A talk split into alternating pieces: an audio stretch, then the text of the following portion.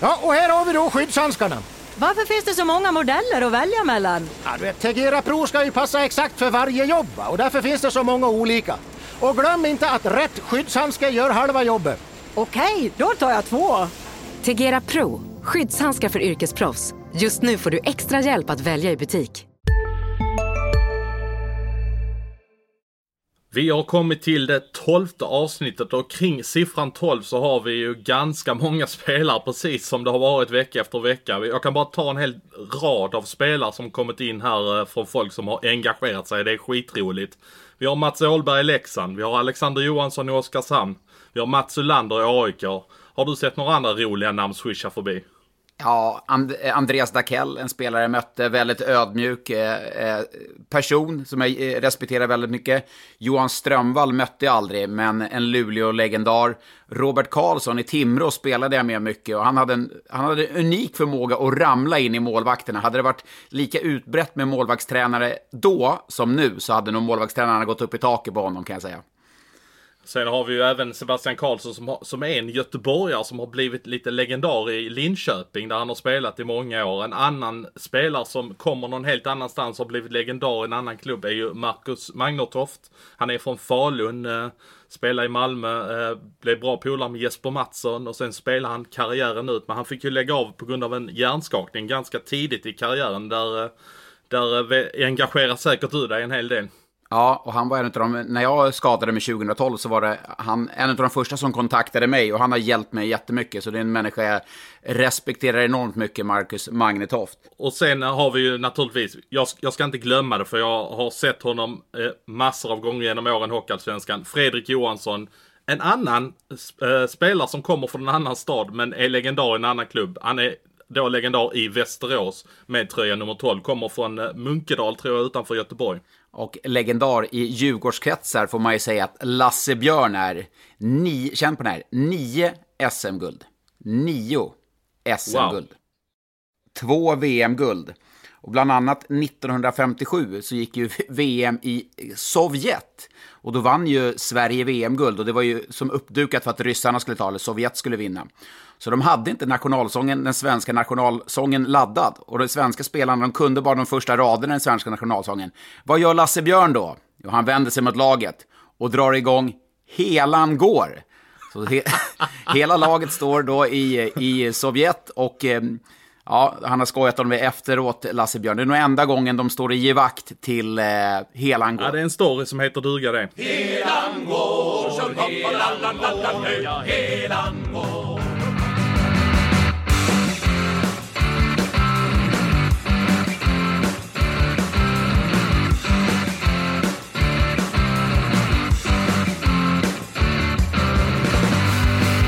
Ett ställe där Helan går knappast sjungs just nu är ju eh, Leksand får man väl säga. Det är väl inte speciellt glatt där för stunden. Eh, ja, det bara radar upp förluster. Eh, det verkar som att eh, de gör allting i sviter denna säsongen. Antingen vinner de ett gäng i rad eller förlorar de massor i rad. Och nu är de uppe på ett gäng torskar igen. Ja, det såg ju bra ut i den uppehållet när man vann mot Växjö borta, Malmö borta. Så efter uppehållet så har man då fyra raka förluster.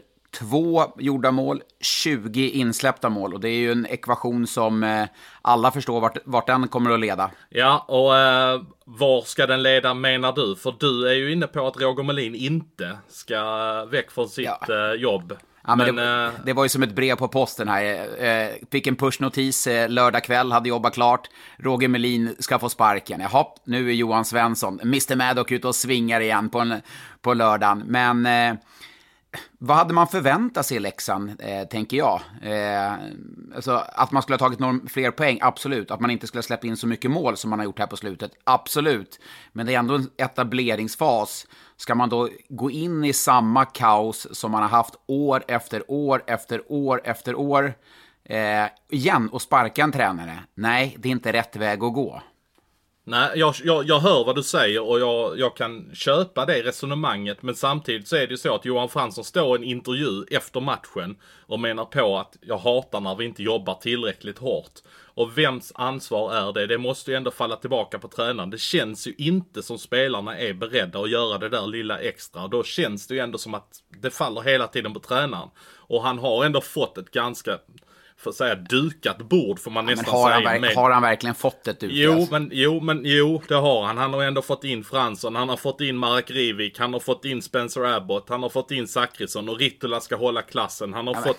Ja, jag tycker ändå att han har, det är ändå en hög budget och det där måste gå att göra någonting bättre av det där. Ja, att de, att de ska ligga sist, det, det är det absolut. Det är ju, så ska det inte vara. De ska ha Oskarshamn bakom sig. Men jag menar, de kommer att få kvala. Det, det var vi överens, rörande överens om, de flesta av oss, inför säsongen. Eh, alltså starta ett kaos nu. Och jag menar, lyft, lyft gärna fram ett namn för mig då. då. Du måste, om man ska sparka så måste det finnas bättre alternativ. Jag bara... Eh, eh, mycket frågor dyker in och eh, Birk Rigelman som ofta ställer frågor, jag vet inte om Birks riktiga namn är riktigt, men han säger vilka ledigare tränare finns det då? Jo, Hans Wallson, Andreas Johansson, Lill-Kenta, Micke Johansson, Magnus Arvidsson, Perra. Ja, va, alltså vad är det för namn som sticker ut där? Hans Wallson, absolut, men jag vet, ah, jag vet finns det ens något? Nej, men så, så är det ju varje gång man tvingas sparka en tränare. Hur var det förra säsongen när de skulle sparka Leffe Karlsson? Då stod de och sa nej, vi ska inte sparka Leffe. Och då var diskussionen, ja men vad finns det för lediga tränare? Roger Melin var det väl ingen som tänkte på. Så Roger Melin han har väl gjort sitt och sen så ledde Roger Melin laget upp i SHL. Så det är väl klart att det måste ju finnas någon ledig tränare. Sen finns det ju alltid anledningar men om det finns någon som kan få gruppen till, till att dra åt någon form av jämnt håll så känns det ändå som att de ska ta in den Men tränaren. tr- tror du Roger har tappat då? Tror han har tappat omklädningsrummet? Jag, jag säger inte att han har tappat det men Men tror det du är det? någonting som är... Nej, ja, jag vet inte. Jag vacklar fram och tillbaka. Men någonting känns ju inte helt rätt när de säger att de inte jobbar tillräckligt hårt. Ja, men är det, är Det det, känns nå- ju- Alltså de, de har fått samma frågor hela tiden här. Johan Fransson, alltså Zachrisson och alla har fått frågorna. Och jag vet själv som spelare när man står där, vad FAN ska man svara ibland? Alltså man, man vet inte vad man ska svara för man, dels det är ett läge när man skäms som spelare. Johan Fransson vet att han spelar på en nivå långt under den kapacitet han ska göra. Han var inne på fem baklängesmål i Skandinavien med torsdags. Alltså, eh, han, han spelar långt under sin nivå. Och då stå och svara som en ledande spelare, alltså, det är rätt svårt. Exakt det han säger, det, jag, to- jag tolkar inte orden det han säger, men jag tolkar signalvärdet när en sån som Patrik Zackrisson då, dels vält, som vi har sett klipp på, dels välter ut eh, tröjorna i omklädningsrummet, sparkar en papperskorg. För mig är det en, en signal att fan nu räcker det, nu är det nog. Helvete grabbar. Alltså det, det är en naturlig reaktion för mig som har bott i hockeyomklädningsrum i min karriär. Men samtidigt eh, var det inte nog när Roger Melin gick ut och sågade hela laget här om veckan. Vilket vi var överens om att det ändå var. Det var, kändes inte helt dumt att han gjorde det i det läget. Men det har ju inte blivit ett dugg bättre sedan dess. De är sköra. De är sköra så in och bänken. Alltså, men bara ta matchen i lördags. Första perioden, 16-2 i skott. Eh, man har 6-7 sol, alltså klara målchanser. Visst att det är alltid att man möter en världsmålvakt när man ligger i botten av tabellen. Så, så är det alltid. Eh, och Rautius storspelade ju, men det är klart att de håller klubborna lite hårdare. Puckarna, de trycker inte ut dem mot stolpen. De har inte det här självförtroendet. Linus Persson kom in i ett drömläge. Pass från Spencer Abbott, mitt i magen. Är man, har man några poäng mer, lite mer lugn, ja men då håller man i pucken en halv sekund extra och trycker upp den i nättaket. Så det är liksom en självförtroendesgrej just i den aspekten. Sen finns det andra saker där jag upplever att man fuskar lite i, i defensiven som varit inne på tidigare. Spelar lite för mm, smånätt med pucken. Men istället för att prata om Roger Melins eh, vara eller inte vara. Thomas Johansson, han är ju jättehyllad. Eh, Bamsehyllad av alla eh, för det han har gjort. Nu är det nu han ska kliva in. Hans styrka har ju varit, han, i Djurgården, han var, och såg varje träning, följde upp, ställde kritiska frågor. Varför tränar ni så här? Varför gör ni så här på spelet? Det, det kan ju bara Thomas svara på. Är han där varje dag i Leksand och gör det? Eller är han pendlar mellan Stockholm? Nu är det ett tillfälle där han ska visa sin storhet och vara där varje dag. Är Roger Melin en tränare som är mottaglig för den typen av ledarskap från en sportchef som är inne och klampar? Jag menar Roger Melin, han har vunnit mycket och har jobbat i den här branschen i 25 år. Är han en sån tränare? Jag tycker ändå det blir lite skillnad på Robert Olsson som kanske är lite fräschare namn, lite ny generation, att få den feedbacken från en sportchef. Ja, alltså det, det är en aspekt, men samtidigt, eh, Thomas Johansson, när vi jobbade tillsammans på Simor så kom jag ihåg, jag pratade med Thomas, vi, vi, vi flög upp till Luleå av alla ställen, eh, höll jag på att säga. Eh, och så att vi pratade och han, han var tydlig. Den bästa tränaren han haft under sin karriär, det var Roger Melin. Och jag menar, Visst, det är några år sedan som han hade honom som spelare, men då har ju han med sig den, när han tar in honom som ledare, så vet ju han vad han får i Roger Melin. Och han vet då att han kan coacha Roger. Och han säger att Roger är nyfiken, Roger vill lära sig, Roger vill utvecklas, trots att han är på ålderns höst, som man ändå får säga. Så att det är klart att Roger är ju inte det framtidsnamnet i Leksand. Det är inte han som kommer leda dem fem år framåt.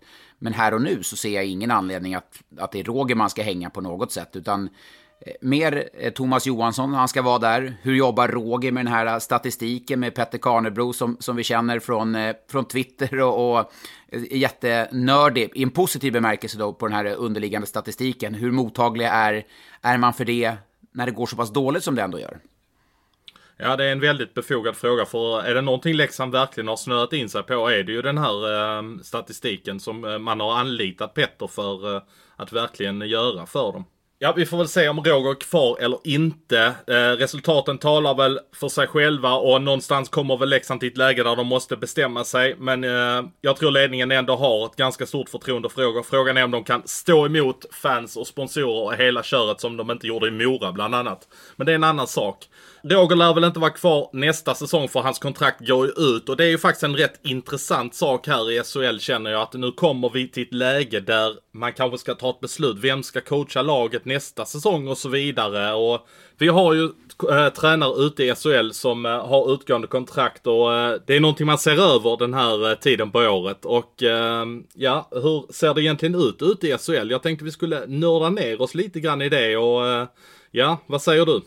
Ja, det är, det är spännande för det kan ju bli lite rotation på, på tränarnamn. Och bara tänker man för en tio år sedan så var det ju att då visste man, lämnar en tränare Färjestad, ja men då går han till Skellefteå eller Brynäs. Alltså, du vet, man snurrade någonstans på samma, trän samma tränare, men nu, nu är det ju lite mer rotation. Det har ju kommit in många unga tränare och framförallt när klubbar ser att de som klarar av att bygga långsiktigt med Sam Hallam, med Peter Andersson, Roger Rönnberg, Robert Olsson. Alltså de, de blir framgångsrika och det såg vi också på Skellefteå när de var som allra bästa med Hans Wallson och Bert Robertsson. Är Skellefteå i ett sånt läge där eh, Tommy Samuelsson eh, kommer att tacka för sig när eh, vi går över till nästa säsong? Det, det är jättespännande. Jag, jag, tror att Tommy gärna ville vara kvar. Det är frågan vad, vad Skellefteå känner att, att de får ut av Tommy och vilken utveckling de ser. Och där handlar det nog mycket om vilken profil man vill ha framöver på att ta hand om unga spelare. Jag tycker att Tom har gjort ett bra jobb här i, i Skellefteå, framförallt den här säsongen när det blivit mera tydligt eh, i ledarstaben i, i Skellefteå så tycker jag att Tommy gör ett jättebra jobb. Eh, så där, det är väl en 50-50, men eh, Skellefteå är ett kravställande klimat nu med tanke på enorma framgångar och går man inte förbi en kvartsfinal i år, då tror jag det kommer bli en rätt stor press på klubbledningen. Men Johan, eh, hjälp mig här nu. Du eh, var ute i början av veckan och eh, i den Slack-gruppen där du och jag, vår eminenta kollega Robin Lindgren, och eh, var ute och flaggade lite för att det skulle bli förändringar i HV71. Har du någon mer eh, info kring det? Ja, nej, men jag har faktiskt väntat lite grann för rätt läge att få berätta det här. För att, och i eh, podden, fick... då berättar man i podden. Ja, men det är väl lite nytt sådär att man kan få berätta lite roliga saker man hör. Eh, Lillis har ju varit där i fyra säsonger nu.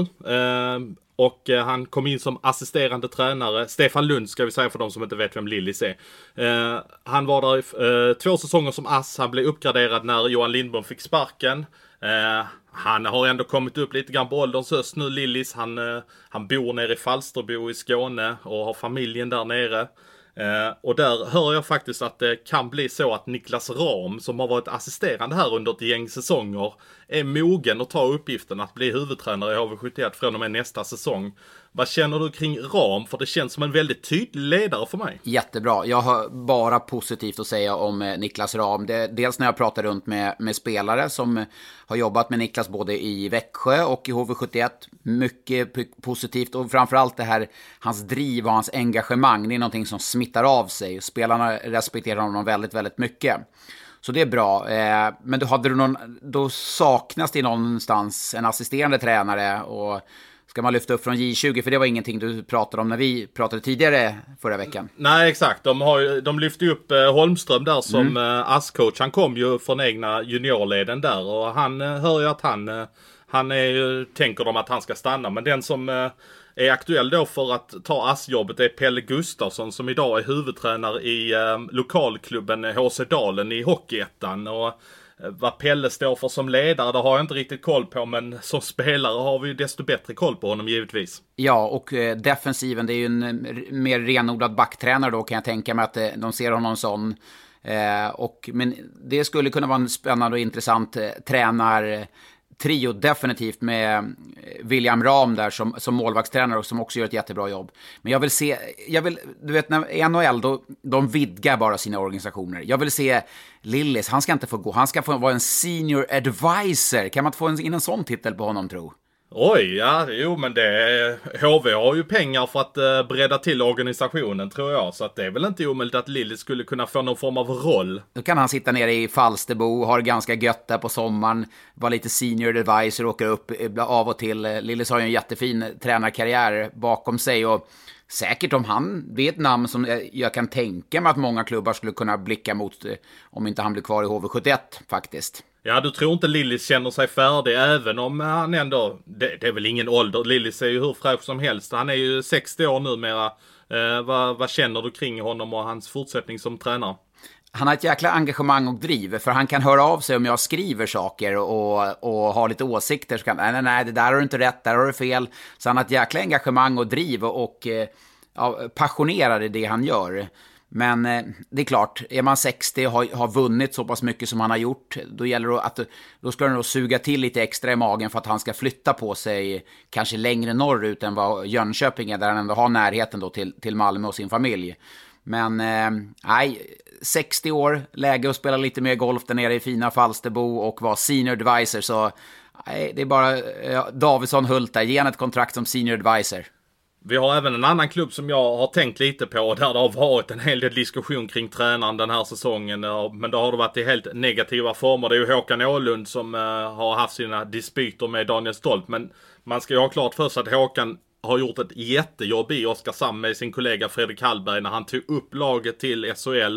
Och de, de är ju faktiskt så, de har tagit, spelat in 20 poäng och de är inte så klapsis som många Nej. målade upp att Oskarshamn skulle vara. Så något bra jobb har ju Håkan Åhlund onekligen gjort i Oskarshamn. Och vad jag hör nu så, han har ju kontrakt ett år till vilket eh, man såklart ska respektera. Men vad jag hör så finns det lite intresseförfrågningar både från Ålund själv och från tyska klubbar att han ska kunna vara aktuell för en flytt ner där. Och han har ju en, en bakgrund som spelare där nere. Så han talar ju tyska och hela köret. Ja, men det är väl inte omöjligt. Han kan väl känna att han har nått ganska långt i Oskarshamn eh, med att tagit upp dem. Och skulle, man, skulle han lyckas hålla kvar Oskarshamn så har han gjort ett jättejobb. Eh, eh, det, jag ser inga konstigheter i det egentligen, att han, han vill vidare och kanske för Oskarshamn också att få, få en ny röst. Det behöver inte vara negativt heller. Och då ska vi ändå säga att jag är full av respekt för det Håkan har gjort i just Oskarshamn. Men där, nu när Thomas Fröberg är ny general manager i eh, Oskarshamn, det skulle inte förvåna mig om han var lite sugen på att ta dit Staffan Lund, som har gjort ett jättebra jobb i eh, Bofors, eller Karlskoga som de nu heter. Eh, det var ju också Thomas Fröberg som tog Staffan Lund från Färjestads juniorverksamhet. Eh, det skulle inte förvåna mig om man rycker honom vidare till Oskarshamn också, förutsatt att Oskarshamn är kvar då i SHL. Tar man då Johan Schultz som eh, är assisterande, tror du att de går som ett paket där? Eh, Johan Schultz har ju en bakgrund just i HV71 som vi pratade om tidigare. Det, det, är inte omöjligt. Sen måste man också behålla Hallberg där. Hallberg gör ju ett jätte, jättebra jobb, en hockeynörd ut i fingerspetsarna och jag tror att han han har nog inte fått riktigt den, den credden som han borde ha egentligen från hockeyfolk. Eh, han ligger nog bakom väldigt mycket av det här spelet som Oskarshamn har byggt upp. Inte bara nog, utan det är Hallberg som ligger bakom det där. Alltså Hallberg har en hockeyhjärna som absolut inte får den credden det förtjänar. Nej, men för det är intressant att du säger det, för att ganska roligt när man, första gången jag var i Oskarshamn, det var hemmapremiären mot Leksand. Och då, man går in och hälsar lite i tränarrummet och du vet, man får uppfattningen direkt, då var det att jag och eh, Hallberg satt och pratade och Niklas Wikegård och Ålund satt och pratade. Och jag, jag, kände direkt, det här, han vet vad han snackar om. Alltså, du vet, han, han hade koll i spelet, hur man skulle... men hur de ville spela, vilken prägel de ville ha på laget och så. Så att jag fick en jätte, jättepositiv uppfattning och när jag pratade runt med spelare också, dels som var i Oskarshamn i fjol och i år så, så öser de beröm över honom. Däremot så ser jag inte att Hallberg ska kunna vara en uh, huvudtränare. För jag tror inte han har den auktoriteten att vara en huvudtränare. Jag tror Hallberg trivs som fisken i vattnet att vara någon form av assisterande tränare. Och bara jobba i bakgrunden och göra det förbannat bra. Ja, och då, det, det, det måste man respektera. Att, och det är det som blir intressant då med Niklas Ram, som också får jätte, jättegoda lovord som en assisterande tränare. Hur bra är han då att ta steget som en huvudtränare? Den kanske bästa assisterande tränaren jag har haft under mina, min karriär, det var Leffe Karlsson, som var en suverän assisterande tränare, men kanske inte riktigt kunde ta det steget som en, som en head coach på samma sätt. Eh, så det, det är klart att det är ett helt annat ansvarsområde. Då måste man respektera då Hallberg som, som kanske bara vill ha den, den rollen och det gör han förbenat bra. Från Oskarshamn där vi pratade precis gick ju Kristoffer Rifalk till, ja vad heter de nu? Vi har Ja, fått lite just det. kritik. Ska vi jag ta har fått det? lite kritik där. Ja, har, nej, men- vänta, vänta, har vi fått kritik eller har du fått kritik? Ja, Jag har fått kritik. Ja. Eh, och, och nu ska vi ta det här. Det här nordväst, eh, nordvästskånska laget som, eh, som finns. Vad heter de egentligen? Det stavas R-Ö-G-L-E. Ja. Och jag, jag, jag hävdar att de heter Rögle. Vad säger du? Men, Rögle? Ja, det blir, det blir ju den stockholmska tonen på det. Men det, det kanske är mer, låter mer rätt. eh, Men för, för för ti, att- tidigt när jag, när jag började på, som sa jag, Rögle, äh, vänta, jag, jag, som att jag med 2G, då var det någon som rättade till mig. Och så sa Exakt. Och, och det, jag har ju fått lite skit här för att jag har sagt Rögle. Vilket jag jättemycket har försökt undvika för att för mig som bor i södra Skåne så tror jag nog att det ligger mer rätt i munnen att säga Rögle om man säger det är lätt, alltså snabbt. Ja, men alltså vadå, det, det är ju, ni, ni snackar väl samma språk där nere? Det borde vara svårare för mig som eh, halvt värmlänning, hel stockholmare tänkte jag säga, och säga Rögle än vad det är för dig, en skåning, att säga Rögle. Nej, nej, nej, nej, jag håller inte med. Jag håller inte med. Det, det lätta för mig är att säga Rögle. Men det, så är det inte, utan det är Rögle. Ja, När jag var, ja, när jag var, i, när jag var i Ängelholm tidigt, eh, ja det kan vara slutet på 90-talet, då, då sa jag fel en gång där och då kom det fram någon liten knatte och sålde lotter eller vad det Det heter faktiskt Rögle. okej, ja du Så, ser. så, så Och- att, och och, den- har jag den- sagt fel, har jag sagt fel så får jag väl be om ursäkt för det, för de heter Rögle. Men nu ältar vi inte det mer. Den lilla knatten, han har nu blivit stor och fått Twitter, och han jagar dig fortfarande. så kan det vara, så kan det vara. Men om vi ska prata Rögle så, så har de ju faktiskt eh, fått en dipp. Och du pratade lite grann när de gick så förbannat bra i eh, början på säsongen. Då sa du att en dipp kommer att komma. Eh, men såg du att den skulle komma och var så pass djup som den ändå eh, har blivit?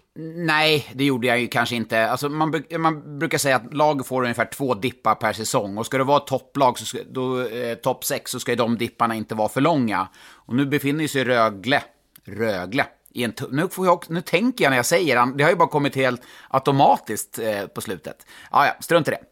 Eh, de är inne i en liten dipp nu, men det, är- det är ju, ska jag säga, enkom eh, av, på grund av skadorna. Och att man är inne i en liten svacka. Och just då när man inte har Dennis Everberg, man, nu är Cody Curran väl tillbaka, men han hade inte honom ett tag.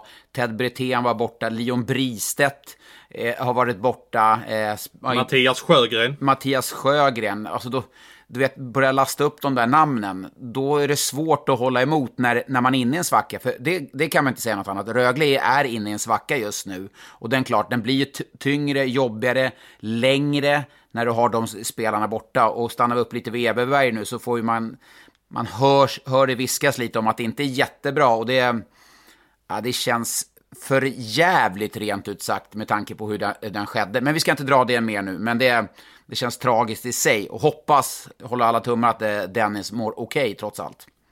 Jag har sett supportrar till Rögle ute på, eh, ute på nätet som, eh, som ser eh, ett samband med att raset kom efter eh, att Everberg blev skadad på Hovet. Att det var efter det som eh, laget började dippa riktigt ordentligt. För de gjorde ju en supermatch där på Hovet mot eh, Djurgården. Mm, och sen åkte man upp till Luleå och då saknade man Dennis Everberg, Bristet då som skulle bli pappa, som inte följde med upp till Luleå och fick en förlust där. Förlorade sen mot Linköping innan, innan uppehållet där. Och så har det fortsatt lite nu här eh, efter uppehållet också. Och det är klart att man måste börja ta poäng nu. Såg de mot Färjestad i torsdags. Eh, där tufft läge för dem att möta Färjestad såklart, som var rejält revanschsugen efter utskåpningen i COL i, i tisdags. Så att, eh, nej, jag är inte orolig för Rögle, men samtidigt så tror jag det är ett läge där eh, bröderna Abbott, eller Chris, sportchefen, är ute och kollar av marknaden. Det, så, ja, det har han ju faktiskt bekräftat också ja, att han gör. Ja, och där är, så, han tittar inte på marknaden nu för att hitta en Daniel Widing, missförstå mig rätt, men alltså den, en eh, sex veckors kontrakt, utan han kollar nog på en spelare som ska stärka upp dem i ett kommande slutspel. Det är, det är inte en bredd forward han kommer jaga, utan det är en topp forward. Men då blir han å andra sidan lite mer desperat och det har vi varit inne på eh, tidigare att alltså desto mer förluster kommer, desto Alltså, mer angelägen blir man så att säga att hitta någonting och då ja, kanske det inte blir så bra jämfört med om man befinner sig i det läge kanske Frölunda befann sig när man tog Gormley förra året och kunde ta det liksom i lugn och lugn och ro liksom. Ja, och det är så. Det är klart att dyker upp en spelare så kanske du inte har is i magen på samma sätt som du har när, när, du, går, när du som lag går väldigt bra. Eh, samtidigt så är det som så att eh, Rögle har någonstans fått ett väldigt bra rykte och jag tror att är det spelare man tittar på så är det transatlanter nu och där har ju Chris och Cam, tror jag, ett ganska bra rykte. Och jag menar, Jelina förlängde kontraktet här trots att han hade något år kvar på kontraktet. Och, jag menar, transat, de pratar med varandra och ja, så att, då tror jag att han kommer kunna få loss något, något rätt hyfsat bra namn. Sen borde de också ha en ganska bra börs att röra sig vid för att det känns som att det är bra omsättning och bra snurr i vändkorsen där nere i Ängelholm i, i arenan. Ja det tycker jag verkligen och eh, de, eh, ja precis som du säger att det, eh, det har varit väldigt hög publik besättning där i Ängelholm och de drar in på restaurang och hela köret så att äh, Rögle är ett lag som som ändå, trots att det kanske inte går så bra på isen nu, så är det ju en klubb på väldig uppgång och har säkert en väldigt god ekonomi. Så att jag tror säkert det kan hända någonting här. Rögle har ju en nyckelmatch här i veckan. De möter Malmö, det är ett Skånederby. Oj, oj, oj. Och Ja. ja, det blir lite, lite kanske vägskällsmatch för, eh, för lagen här var det ska ta vägen säsongen. Eh, de lever sitt eget liv. För Malmö är det också ett, lite av, om Rögle nu är inne i en dipp, det kan man inte riktigt säga om Malmö, men man kan säga att Malmö är rätt oberäkneliga. Gör en, får väl ändå säga en suverän match mot eh, Växjö i torsdags och faller igenom rätt duktigt och ordentligt mot Brynäs, som vi får anledning att prata vidare om, som gör en jättebra match ska vi säga. Ja men verkligen. Jag, eh, nu har jag sett alla Malmös matcher och det är ju verkligen upp och ner. När de är dåliga är de ju riktigt dåliga. Men när de är bra är de faktiskt riktigt bra. Så att eh, men för, det, nej, man de vet är, aldrig riktigt var man har dem. Lite för beroende ska vi säga av sin första kedja där med Fredrik Storm, Händemark och Bryggman. När, när inte de driver laget, när inte de får de här långa tunga anfallen, in trafik på mål. Då blir Malmö då är det få som, som tar rygg på dem. Jag tycker en sån som Emil Sylvegård, han, Eh, han, han, är inte alls lika, eh, lika bra som han var i fjol, eh, tycker jag. och inte lika jobbig att möta, inte lika det här under skinnet på spelarna som jag upplevde att han har varit tidigare i sin karriär. Nej, jag håller verkligen med och jag tror att han har tänkt på det. Det, det känns som det har satt sig lite mentalt på honom att, att han har börjat tänka för mycket, Emil Sylvegård. Han är nog inte alls nöjd med den eh, starten han har fått på säsongen. Kanske har varit lite stökigt för honom. Det har varit kontraktsförhandlingar och så vidare. Eh, jag vet inte vad det är men... Eh, men då kommer derbyt, ska... då kommer derbyt väl till pass. För det känns ju som en match som passar honom som handen i handsken då. Ja, ja men verkligen, verkligen. Och han, han är nog inte uppskattad av den publiken i Ängelholm om man säger så. Men det är väl underbart. Nej, det är väl underbart. Det är just de, som gör de matcherna speciella. Det är, jag har varit på plats och gjort några av de matcherna. Det, det är, nog, det är nog alldeles speciellt eh, Rögle mot Malmö. Och framförallt i Ängelholm ska jag säga. När du, den hallen som är så kompakt och det är nära. Du, liksom, du känner nästan vinddraget när, när spelarna åker förbi. Även om du sitter på rad 14. Ja, verkligen. Men... Eh Några som tog Malmö här under lördagen var ju faktiskt Brynäs som Ja. jag blev lite imponerad av när jag såg dem. De eh, uppträdde ju verkligen inte som ett lag som inte har vunnit på bortaplan sedan den 14 september. Utan Premiären. ju- Ja, ja, precis. Det är långt. Och då körde de ju över Frölunda. Och jag tyckte att de, eh, även om siffrorna bara var 0-2, så var det här Brynäs som dikterade villkoren från minut 1 till minut 60. Ja, och det var ju tack vare Lars Wolden som, som siffrorna bara blev 2-0 till, eh, till eh, Brynäs, ska jag säga. Wolden gjorde en jättebra match i, i Malmös mål.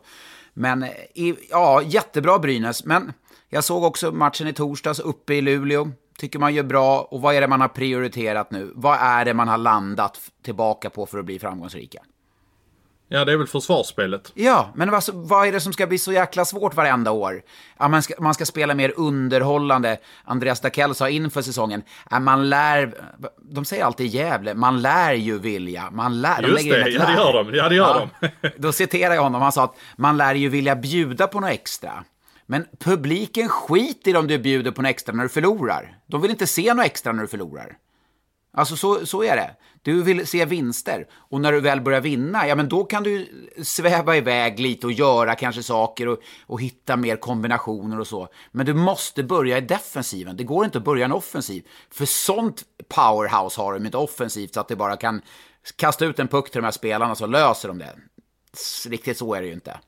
Nej, verkligen inte. Men eh, samtidigt får man ge dem att jag tycker de har fått ihop en rätt intressant kedja där med eh, Sallinen, eh, Jadon DeChano och Emil Molin. Och just DeChano har jag ju dömt ut tidigare. Han gjorde ju faktiskt 1 plus 1 här i lördagsmatchen mot Malmö. Och det var ju nästan så fansen själva blev chockade. Han kunde göra poäng. Ja, 1 plus 1, Ja. Nu jagar han ju Tom Pyatt i poängligan här i Skellefteå, min lilla gunstling som du eh, är på mig om hela tiden. Men strunt, strunt i Pyatt här. Stanna upp lite vid, vid Brynäs. Eh, Just försvarsspelet, och får man då igång fler spelare för att, att Rödin och Skott, att de är duktiga tillsammans, det vet man. Nu har man fått Manberg där som är stekhet, minst sagt. Och får man då en andra kedja och så kan du bygga vidare med Linus Ölund där bakom också, så då börjar det fylla på med spelare. Men de är väldigt beroende av att de här spelarna ligger och touchar taket hela tiden. För jag tycker fortfarande man har lite för, för tunn spets eh, i Brynäs för att kunna hota allt för mycket uppåt.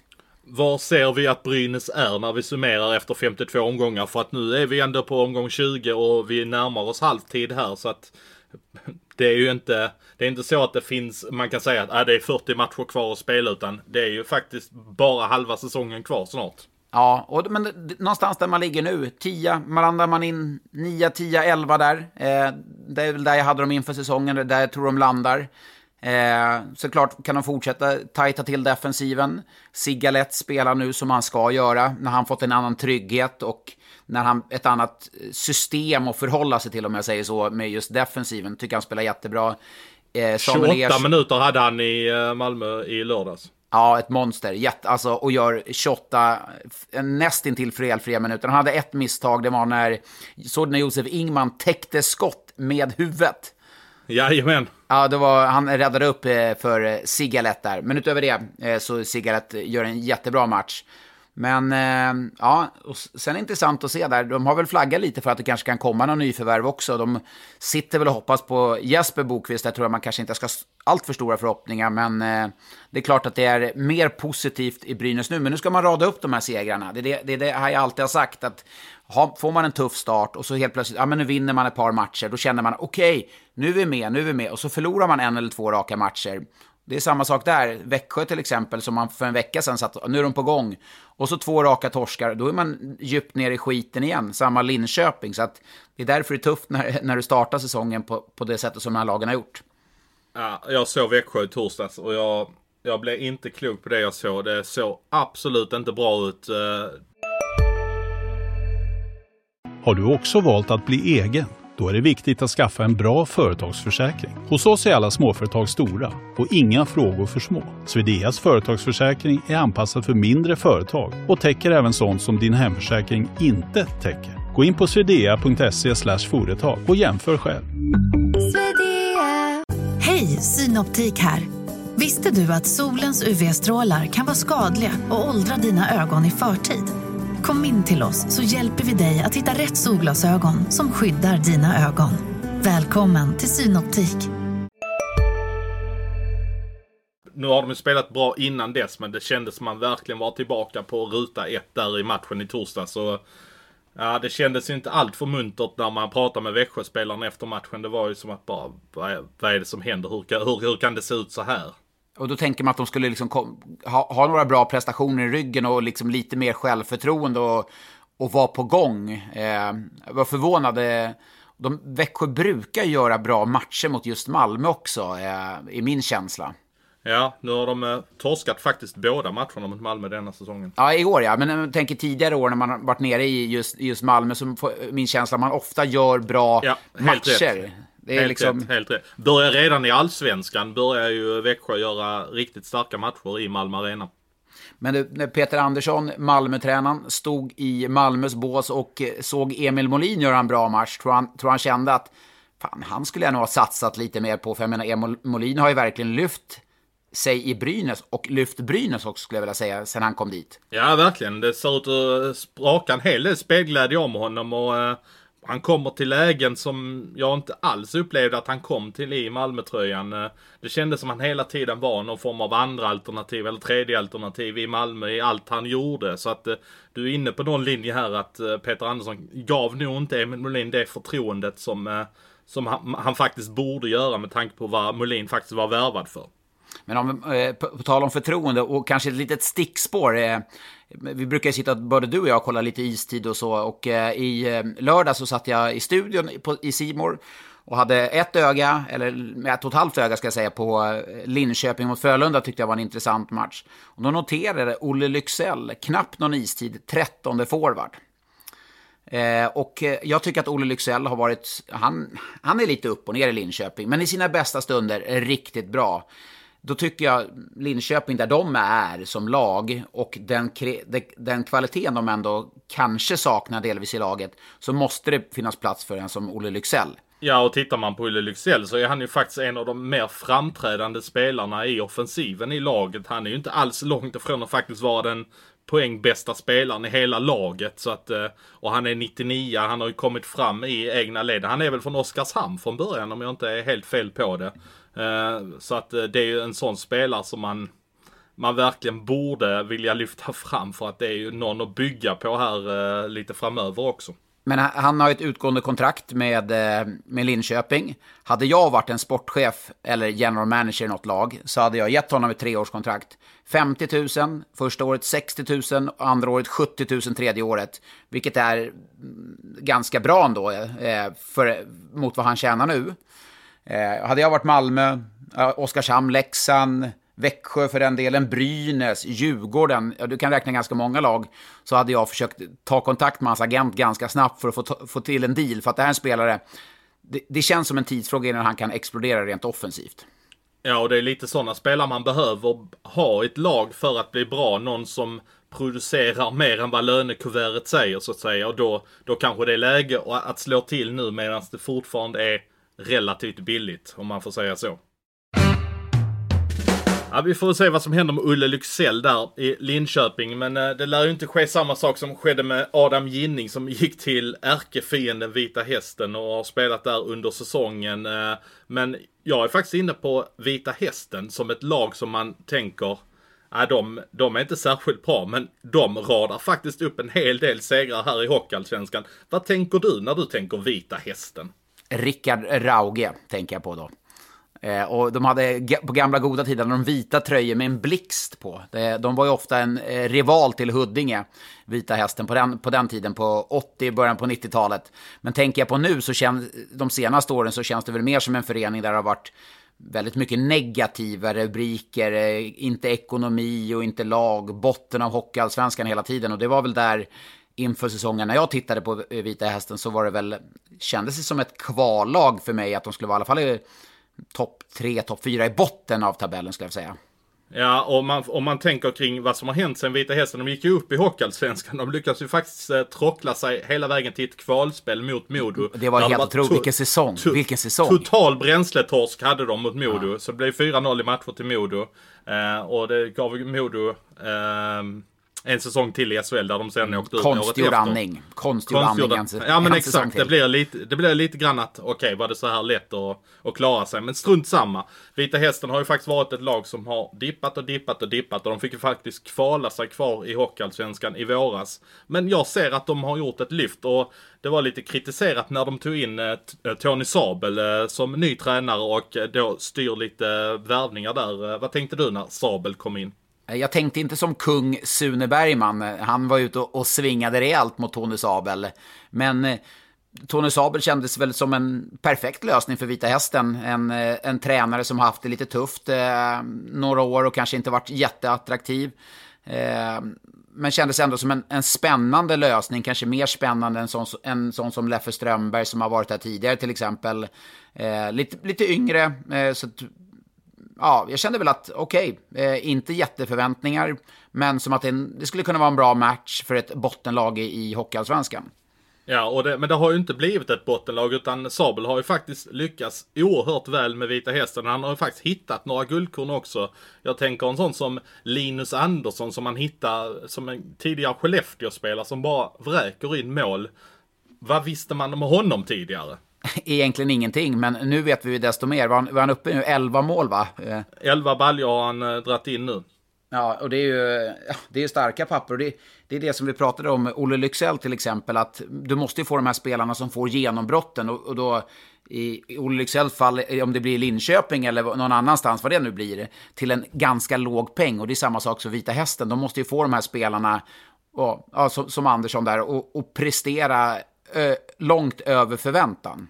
Spelare som inte har eh, presterat långt över förväntan är ju spelarna i Mora IK och Oj, oj, oj, oj, oj. Och, och, och, ja, vi såg ju Harald Lyckner här, eh, hur han var ute. Och det tycker inte jag hör till vanligheterna att Harald är så hård som han faktiskt var Nej. här eh, kring Mora.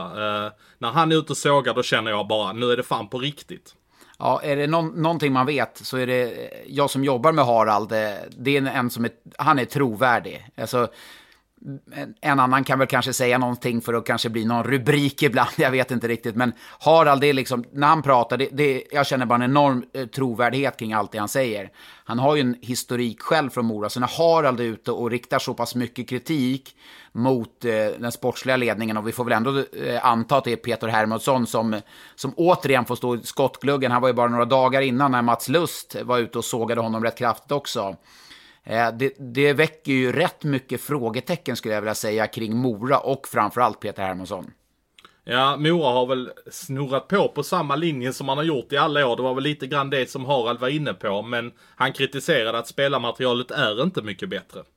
Nej, och det, det är väl framförallt det, det här just att sparka Jakobs nu som tränare. Jag, när jag, min lilla svär som jag ringer runt och kollar lite, jag fick uppfattningen om att Jakobs var omtyckt av spelarna. Eh, vanligtvis när man kanske gör en tränarförändring så är det att spelarna någonstans, de känner okej, spelarna har gett upp, vi kommer inte komma längre med den här tränaren. Men det, var inte, det är inte min uppfattning när jag pratar runt lite, vilket gör det mer anmärkningsvärt med tanke på att man tar in två finska tränare som vet noll och ingenting om hur det fungerar i Hockeyallsvenskan. Alltså de vet ju ingenting om den svenska andra ligan. Eh, det, det är stor skillnad på sven, Hockeyallsvenskan och finska Mestis, liksom andra ligan där. Det, det går inte att jämföra. Nej, och sen kan det irritera mig lite grann också att man sparkar eh, Jeff Jacobs och sen så landar du in alltså tre stycken spetsförvärv nordamerikaner. Ja. Och, och då, då, vad, vad känner man då? Är det för att de här kom in? Nu avgjorde en av de här mot Almtuna igår. Ja. Och eh, beror det på att, att det här var väldigt bra spelare som man har plockat in i truppen? Det är ändå tre forwards det handlar om. Eh, eller beror det på att eh, Tomme Kvaltonen har kommit in? Det, det får vi ju inga riktiga svar på. Nej, Nej jag, jag tycker att det, det är liksom för rörigt i en klubb. Jag menar, åker ut SHL, eh, Timrå som ändå har en... Det, det finns en annan trygghet i Timrå som fick behålla ganska mycket spelare. Kent Nubben Norberg som ändå var... De var förberedda på att det kunde ske. De, de svävade inte iväg i SHL i fjol. De hade ju en hockeyallsvensk trupp i fjol för att inte riskera ekonomin på något sätt eller äventyra klubbens framtid. Men Mora känns ju mer som, lite som Modo var när de åkte ut, en liten verklighetsfrånvänd eh, bild av sig själva. Ja, och på tal om Modo så måste jag ju faktiskt framhålla hur jäkla bra de har värvat i Adam Tambellini. Eh, Han bara vräker in. är det Fredrik Gladers första värvning? Ja, det tror jag. Eh, jag tror i och för sig Hellqvist hade en hel del med att göra. Glader hade väl knappt hunnit komma in där eh, när Tambellini blev klar. Men jag tror säkert att Glader hade med det att göra. Så det får väl anses som vara hans första värvning. Så Glader har gjort en värvning och det är Tambellini. Ja, han har väl tagit Albin Eriksson också. Oh, ja, just det. Jäkla Albin Eriksson. Kan man Alb Inget illa mot Albin Eriksson, men han var ju mer som extra forward och fick inte alls den här utrymmet han skulle ha. Men skulle man då, om vi vänder mot Vita Hästen, skulle inte det kunna vara en destination för Albin Eriksson då? Där, jag menar, det finns ju ändå en koppling med Andersson där som vi var inne på, 11 målskytten. Ja, och Simon Krekula har ju också en historia ja. i Skellefteå AIK, så att det är klart att det skulle kunna finnas skäl för honom att gå ner i ett lag som går bra. Där, eh, där han säkert hade fått en stor roll och de har säkert kunnat hitta en bra roll till honom. Så att eh, definitivt. Men hur bra är Tambellini då? Fortsätt med honom. Hur bra är han? Ja, alltså. Det, det är ju lätt att sväva iväg sådär. Vi svävar Gör det då. Iväg sväva iväg. Sväva iväg nu bara. Kör ja, på, men vi, ös på. Ja, men jag känner ju att uh, Tambellini i dagsläget så hade han ju kunnat gå in säkert i en andra tredje kedja i SHL och producera ganska hyggligt. Oj, det är så pass alltså? Jag, jag får den känslan. Sen är det klart att jag kanske överskattar eh, SHL och Hockeyallsvenskan där. Att, eh, att så enkelt är det ju inte. Men i det flowet han är just nu skulle han få en stor roll. Alltså, han har sådana offensiva skills så jag ser ju att han, eh, att han skulle kunna hota SHL-försvar också. Men med all respekt för Modo nu då, som eh, har absolut jättestor chans att gå upp. Det har vi varit inne på tidigare. Vi har hyllat Modo, trots att man förlorade och bröt den här sviten som vi, som vi tänkte att de skulle eh, slå rekord va, i Hockeyallsvenskan. Var det 15 raka var de tvungna att ha och förlorade mot just Vita Hästen va, i, i Precis, precis, precis. Men eh, om då inte Modo går upp, vad ska en sån som Tambellini gå? Du, du ska vara hans eh, agent för en dag. Vad, vad ska du placera honom? Ja, men jag tror att man eh, skulle placera i, eh, alltså Tambellini i ett lag som kanske skriker efter uh, offensiv spets som, uh, som har plats för honom att spela in honom. Jag, jag ser inte att han ska kunna gå in och göra underverk i Frölunda direkt. Det blir ju för hård konkurrens. Och Såklart. Jag, jag tänker tillbaka till exempel när Evan McGrath gick till uh, Frölunda. Ja, exakt. Nej, det var, det var ett för stort steg i, i konkurrensmässigt också. Så jag tänker ju att han skulle väl kanske vara lämplig att slänga in i Leksand, Brynäs, Malmö, Oskarshamn, Linköping kanske. Eh, mm. Eh, Linköping har en bra historia med transatlanter. Eh, hade säkert kunnat få bra vitsord. Kanske fått spela med Brock Little eller någonting i den stilen. Vad skulle du, hade den här listan på försäsongen och där måste jag ändå ge dig cred här. Det är alltid lika roligt när det kommer ut de här avstängningarna för då kan jag gå och kontrollera och göra en baklängesräkning och kolla hur mycket tjänar den här spelaren och jämföra med din lista som du gjorde på försäsongen och där du listade spelarnas löner. Du har haft bra träffsäkerhet där måste jag säga, vilket gör att du också kan berätta vad, vad en sån som Tambellini, vad kan han förväntas att tjäna i en SHL-klubb då? Eh, ja, jag, jag hör att han tjänar ytterst lite pengar. Ja. Eller ytterst lite. Jag ska inte säga ytterst lite med all respekt för vad en vanlig arbetare tjänar. Men i sammanhanget tjänar samman... Adam Tambellini i, uh, väldigt lite pengar. Jag skulle kunna tänka mig att han har 30 000 euro netto på den här säsongen. Och det är inte mycket pengar. Jag tror Nej. att en SHL-klubb hade kunnat landa in honom på, säg att vi dubblar de pengarna till 60 000 euro net eller 60 000 dollar net på en säsong och det är inte alls mycket pengar för en import. Nej, det är det också så att man pratar om man vill ha svenska spelare och Örebro vill för svenska laget som, som de har pratat om. Men att värva svenska spelare med utgående, alltså kolla med utgående kontrakt, det är inte gratis. Och då kan du gå, börja blicka bort mot Nordamerika och få bra spelare för, nej, inte halva pengen, men snudd på faktiskt. Ja, det är klart. Man ska ju helst hitta Tambellini och sådana där äh, spelare innan de, innan de gör det i Modo. Men det blir ju kanske lite väl mycket chansdragning. Nu tycker jag nästan att det bara är att köra för den SHL-klubben som är intresserad av att plocka honom. Under gårdagen så skickade du ut äh, en tweet här med frågor som eh, vi vill ha från våra lyssnare och det trillade ju som vanligt in eh, ett gäng frågor. Det är både högt och lågt. Eh, ja. Det kan vara allt ifrån till, varför tillhör Hallands Väderö Skåne? För det tänker vi inte gå in på. Men en annan lite rolig fråga tycker jag kommer från din kollega på Simon, Lars Lindberg. Borde det införas en lag om att Trygg Hansa-polo ska på på tränarna igen?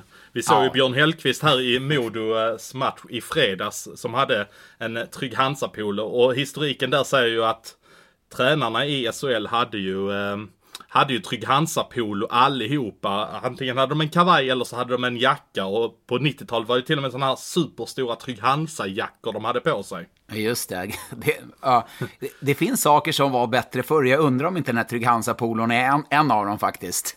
Men störde man sig inte på att de var för jävla fula när de, där och då? Ja, men man kan jo, uppskatta det, det, nu. Ja, det är klart. Då, då tyckte man att det, alltså då, jag kommer ihåg, jag spelade i Timrå där och Lillkantan satte alltid på sig där inför matchen, den där um, Trygg Hansa-poolen. Då tyckte man den var jätteful. Men nu är, är den lite kultstatus. Så att är det någon som har en sån Trygg Hansa-pool, skicka den gärna till mig. Jag skulle vilja ha en, glida runt med den på gymmet och spänna sig lite. Från början var den väl vit, eller hur? Jag tror det va, men de kanske blev för skitiga eller för, eh, jag vet inte riktigt. Men jag tycker svart, svarta är snyggare än vita. Ja, det håller jag med om. Men vi är helt på att ska, in ska med, det, in med den i båsen igen. Ja, men ska vi försöka få in där att vi kan trycka upp Sannu och Svensson då? Att, att alla tränare får stå med Sannu och Svensson-polo. Det vore ju en, en jäkla ego-boost ändå.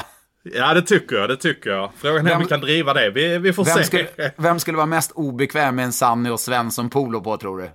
Jag tror, inte, jag tror inte att Håkan Åhlund skulle uppskatta speciellt mycket att ha en sån efter lite skriverier som jag var inblandad i ja. när det gäller Åhlund och Stolt. Nej, tror du han hade tyckt att den kliar mer eller tror du själva trycket som han hade tyckt var jobbigast? ah, det kan nog vara båda delar. Men en som jag tror hade varit bekväm att ha den på sig är ju Sam Hallam i Växjö som ja. du känner väldigt väl. Min gamla klasskamrat, han har säkert burit med stolthet vet du. Definitivt. Ja, nej, jag tror många hade varit obekväma med den. Men det, det är ändå, vi får prata med våra chefer här om, om vi, hur vi kan ta den här bollen vidare. Det hade varit, jag hade nog aldrig känt sån stolthet. Tänk att sitta och titta på en match och så, så står Håkan Hållund med Sanne och Svensson på sig. Det hade varit en jäkla egoboost kan jag säga. Ja, ja på, på tal om det där, ett litet sidospår. Jag... Eh när eh, Malmös J20, när, när de hade ett jättebra J20-lag eh, med 92orna med tvillingarna Westerholm, Sebastian Dyk och hela det här gänget så eh, gick jag faktiskt in och köpte en reklamplats på deras tröjor. Det var en jätteboost för mig när jag var en liten fristående bloggare att jag fick köpa lite loggor på deras tröjor och, och spelarna verkar ju gilla att köra runt med den här nya bloggen sådär liksom. ja, det visste jag inte. Men du har väl, har inte du haft reklam på sargen också? Jo då, jo då. Ja, det stämmer. Det har jag. Just det, men du är stor. Alltså, det, det, är en ära för mig att få sitta. Jag tror vi kanske bara ska döpa om podden till Svensson. ja, precis. Nej, det, det, det, tycker jag inte. Men vi tar nästa fråga. Uh, den kommer från C. Johansson, men han har stavat lite märkligt så det är C. Johansson eller någonting. Men strunt samma, han undrar, tror ni Jonas Engström kan stärka upp IKO, alltså Oskarshamn? Det känns som en flock som saknar en ledare och där får jag säga det direkt att jag, på tal om istid som vi diskuterade här tidigare, jag såg att han hade 22 oh. minuter. Det är mycket för en forward. Det är jättemycket. Eh, men om vi, eh, det kanske låter lite, eh, prata nu, det är 30 omgångar kvar någonting av SHL. Men det det handlar om för Oskarshamn är att vinna den sista matchen för säsongen. Oavsett om det blir att man vinner sista matchen och man slipper kvala. Man kommer inte vinna sista matchen i ett slutspel och vinna ett SM-guld, det tror jag alla förstår. Men om det blir kval då, vinna den här sista matchen. Och då behöver man spelare som Jonas Engström som har ändå ja, nu kanske en del blir arga, han valde ändå att gå till Växjö, men det känd, han har ju ändå ett pulserande Oskarshamns hjärta. Han är en ledare, han kom ändå in i Växjö, en etablerad trupp och fick ett, assist, eller fick ett A på bröstet direkt. Det tycker jag ändå, det, det tyder vilken typ av person man ändå är. Så det, det är en superförstärkning för Oskarshamn och exakt det man behöver.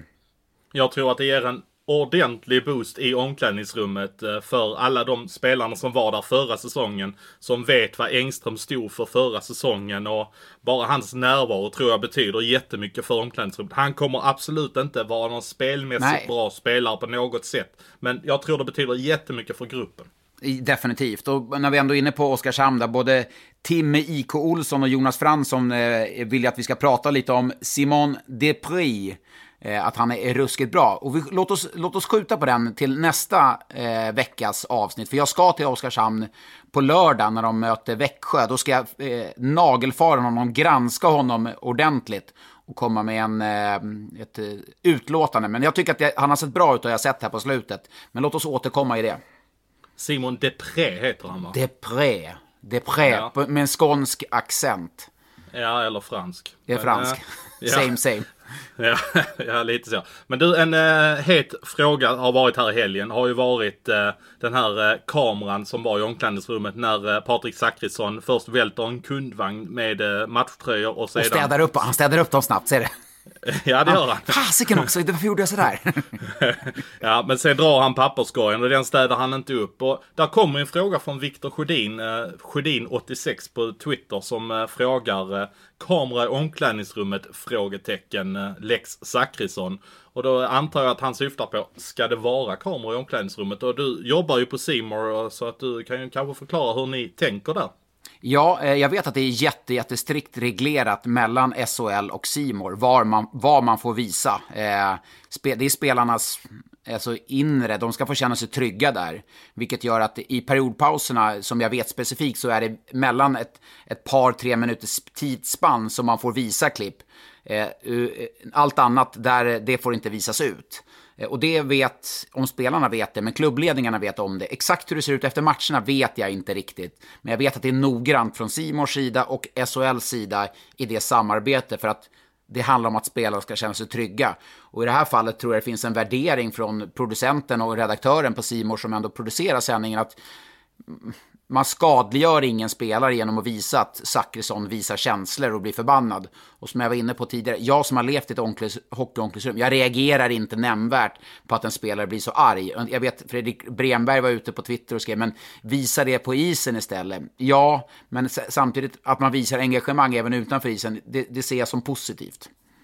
Om jag får säga en grej som tv-tittare. Jag, jag satt och kollade på sändningen och såg det och, och hejade till lite grann. Och men jag känner att som tv-tittare, det gör mig absolut inte lyckligare som tv-tittare att jag får se vad de håller på med i sitt omklädningsrum. Då tycker jag det är desto trevligare att Simmer är inne efter matchen och gör lite segerintervjuer. Man får se segerdansen och lite sådana grejer. Att det kommer in någon kille som, eh, som kanske har haft det tufft eller någonting som kommer in och får jubla med laget eller någonting i den stilen. Det tycker jag ger betydligt mycket mer än att vi bara får se lite rörliga bilder. Vad händer i omklädningsrummet? För mig som tv-tittare ger det absolut ingenting. Så jag tycker man kan bara lägga ner den kameran rakt av.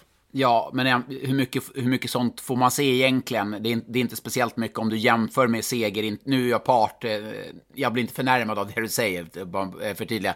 Men det är ju med en värme och, och liksom en känsla av liksom, triumfen som man vill spegla på något sätt. Och där vi försöker man Simon ta sig in i omklädningsrummet och göra intervjuer och spelarna är väldigt öppna. Sen finns det också en annan sida. Där tyckte jag i det här fallet så mm, befriande på något sätt att se Zachrisson så arg. För att som Leksandssupporter eller som Leksandsspelare så förstår man att det är en frustration just nu.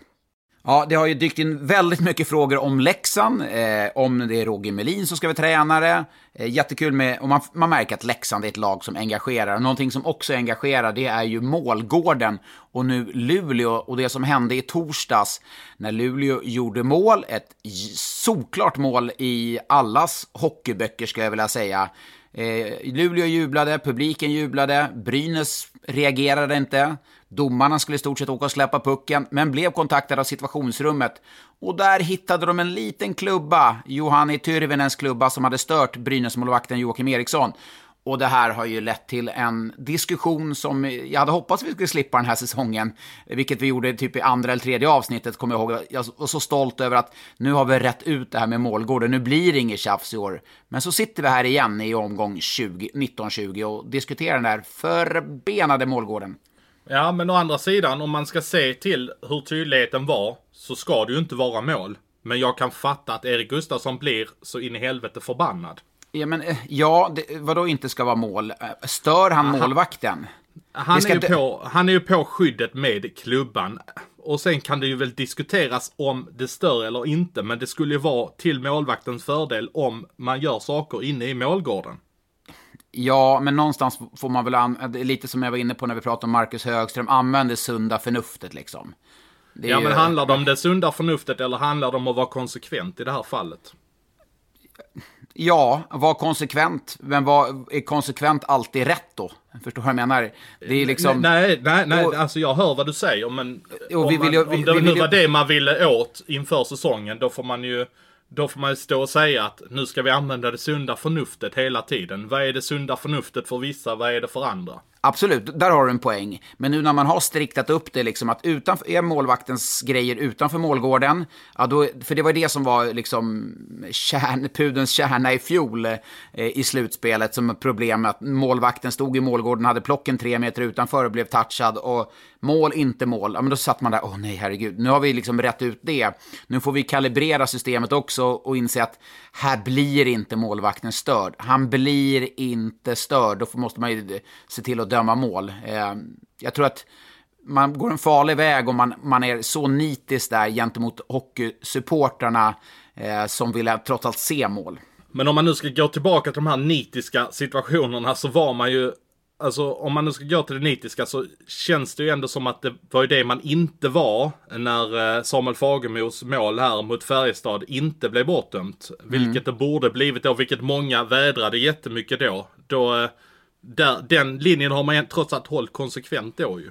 Ja, men det, det är ju en helt annan situation. Där, där är en uppenbar störning. Alltså där, där är han ju inne med skridskon och hindrar Marcus Svensson för att sträcka ut benet. Där kan ju alla se att det är en, har verkligen påverkat målvakten. Och då ska det döma till målvaktens fördel. Men här är en annan situation. Men där tror jag man blev lite skitnödigare rent ut sagt. Eh, och ville liksom, nu måste vi strikta upp det här. Är det så att målvakten blir störd, då dömer vi bort det. Liksom att man ville verkligen, okej, okay, men eh, så som man var inför säsongen, då var det ju ändå att det skulle vara en bedömning om målvakten blir störd. Det, det var det ju inte i torsdags i Luleå. Det var ju inte en bedömning, utan det var bara klubban nuddar, inget mål. Det är inte en bedömning huruvida han stör eller inte. Så att jag eh, landar in lite där och där led jag faktiskt med Luleå-supportrarna. Men man har ingenting att lida med Luleå-supportrarna annars, som har ett lag nu som presterar väldigt, väldigt bra för tillfället. Och det är bara de kommer etta, tvåa när, när serien summeras. Där, där kommer Luleå vara. Ja, de är ju delad serieledning. De har lika många poäng här nu så att... Eh, jag, tror, jag tror Luleå kan vinna serien. Alltså de ser väldigt bra ut. De har Örebro hemma här i veckan också. Jag tror att de klipper Örebro eh, rakt av på torsdag om du hade sagt inför säsongen där, omgång 21 så har vi Luleå-Örebro. Den ser man fram emot. Det hade man inte trott man skulle sitta och säga, va? nej, inte riktigt, va? nej, men Luleå är jättebra. Dessutom får man tillbaka lite spelare också. Eh, eh, Filip Hollander och Emil Larsson här strax också. Då, då har man ju en liten konkurrenssituation som, som Frölunda har. Och det har också varit lite frågor om just hur Frölunda ska göra nu för att kunna matcha Lukas Raymond som gick in och gjorde två mål mot Linköping. När Joel Lundqvist är tillbaka, Johan Sundström är tillbaka, ja men vad ska man göra med Raymond då? Det, vi, vi landar ju åt det där igen med, med Frölunda, men eh, där har man ju, visade man ju tecken på i lördags, när man saknar två så betydelsefulla spelare i eh, Frölunda så går man in och levererar ändå, det är imponerande. När vi ändå är inne på Frölunda så har jag fått en fråga från en Frölunda-it från boende i Lerum och det är inte Lennart Palm som eh, kommer från Lerum utan det är Mats Dahlgren. Han har en fråga angående Viktor, vi har ju pratat om Viktor Stålberg i tidigare program och då undrar han helt enkelt på Kommer Fredrik Pettersson komma tillbaka till Frölunda någon gång i karriären tror vi? Ja, jag förstår att det är Frölunda-fansens kanske största dröm. Fredrik Flugan Pettersson var ju väldigt populär där, men det är frågan alltså om, eh, om Freddan kommer hem. Han har en bra tillvaro nere i Schweiz nu, väldigt, väldigt populär. Skulle kunna spela några säsonger till där, men jag hoppas ju verkligen att Freddan kommer tillbaka till SHL och Frölunda. Det hade varit väldigt, väldigt roligt. Det är en personlig favoritspelare faktiskt att se på. Det händer mycket kring honom. Eh, så jag hoppas för SHLs och Frölundas del att Freddan kommer hem. Han känns ju som han har ett oerhört hjärta för Frölunda också och är, syns till där om han har spelat klart för säsongen med sitt lag och älskar att vara i Skandinavium och publiken älskar honom också. Mm. Han var ju i fjol, vi gjorde en intervju med honom under eh, semifinalserien och då frågade jag, är du inte sugen på att komma hem? Och så tittar han runt. Och när man ser det här, då är man jäkligt sugen. Sen vet jag också att det, eh, när man är i Schweiz, då har man en ganska bra tillvaro och framförallt lönemässigt också kommer det vara en skillnad. Men eh, det är klart, drömmen för, för Freddan att få chansen att vinna i Frölunda lär ju vara väldigt stor. Ja, och vill ni mejla in frågor så skickar ni ett e-postmeddelande till Sanny Svensson i ett ord Expressen.se så ser vi vad ni mejlar in där. Ja, Freddan Pettersson är all ära, men det är inte han som är veckans Elite Prospect-spelare. Det kan jag i alla fall avslöja för eh, Johan. Eh, är du redo för att tävla? Ja, jag är jätteredo. Jag är jätteredo. Reglerna är enklare. Vi får fem poäng, fyra, tre, två eller ett. Och det är en eh, skala där det blir enklare och enklare. Och du leder här eh, med 5-4. Stämmer. Stämmer, och det är en middag som står på spel eh, och boende. Så det, det är en prestige i det här också. Så att, eh, nej, men eh, papper och penna redo? Jajamän, du ser det här framför mig. Mm, då börjar vi på fem poäng. Import som gör sin åttonde säsong i SHL. Ehm, ja, jag har mina aningar om vem det kan vara, men jag vågar ju inte chansa på det, det lilla du hade att ge mig där. Mm, fyra poäng. Vunnit SM-guld två gånger. Ja, ah, nu eh, skriver vi här. Jag tycker att det är värt att chansa på denna Mm, faktiskt. det måste man göra ibland. Visa ja, upp. Blir, nu ska vi ta lappen här. Så. Ser du? Yes. Spelat i fem olika SHL-klubbar. HV, Växjö, Linköping, Malmö och Frölunda. Ja, jag är rökt. Så Ja. det, är bara till, det är bara till att vandra vidare. Eh, två poäng. Med sina 19 poäng är han femma i SHLs poängliga. En poäng. Nu måste du väl träffa rätt, va? Jajamän. Ja, det är Rhett Rakhshani. Ja. Och du skrev? Jag skrev Mats Roselli Olsen. Oh, ja. Ja, jag, ja det, den är bra också. Han har kanske, jag vet inte hur länge Mats... Ja, just, han är ju, ja, Mats Rosell är ju en import också, ja. Det, det Jag tänkte ju- att du skulle köra en liten luring där alltså. Nej, jag, jag tänkte nu att vi har varit ganska tuffa mot varandra. Jag tänkte nu ska jag inte vara allt, jag ska inte vara för tuff, utan en bra balans. Men Import då, som gör sin åttonde säsong, det är Rhett Rakhshani som kom till HV71 eh, en gång i tiden. Han har vunnit SM-guld två gånger med eh, Växjö och med Frölunda i fjol.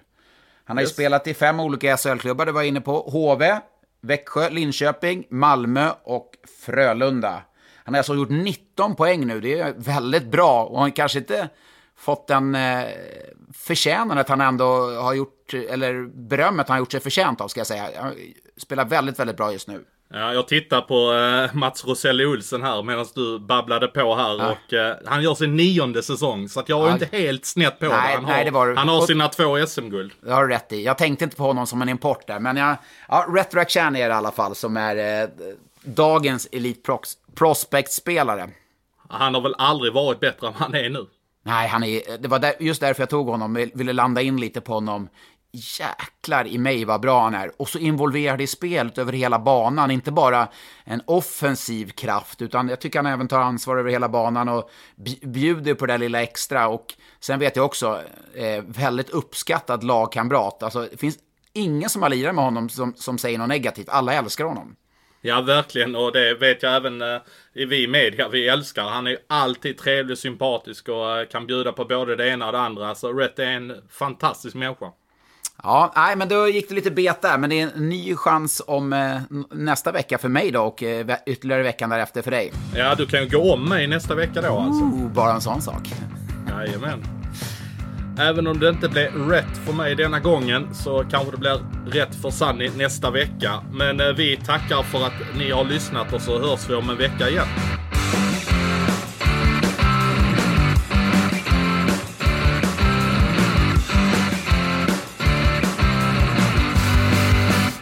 Du har lyssnat på en podcast från Expressen. Ansvarig utgivare är Klas Granström. På Sveriges största jackpot-kasino går hypermiljonen på högvarv. Från Malmö i söder till Kiruna i norr har hypermiljonen genererat över 130 miljoner exklusivt till våra spelare. Välkommen in till Sveriges största jackpot-kasino, hyper.com. 18 plus, regler och villkor gäller. Upptäck hyllade XPeng G9 och P7 hos Bilia. Våra produktspecialister hjälper dig att hitta rätt modell för just dig.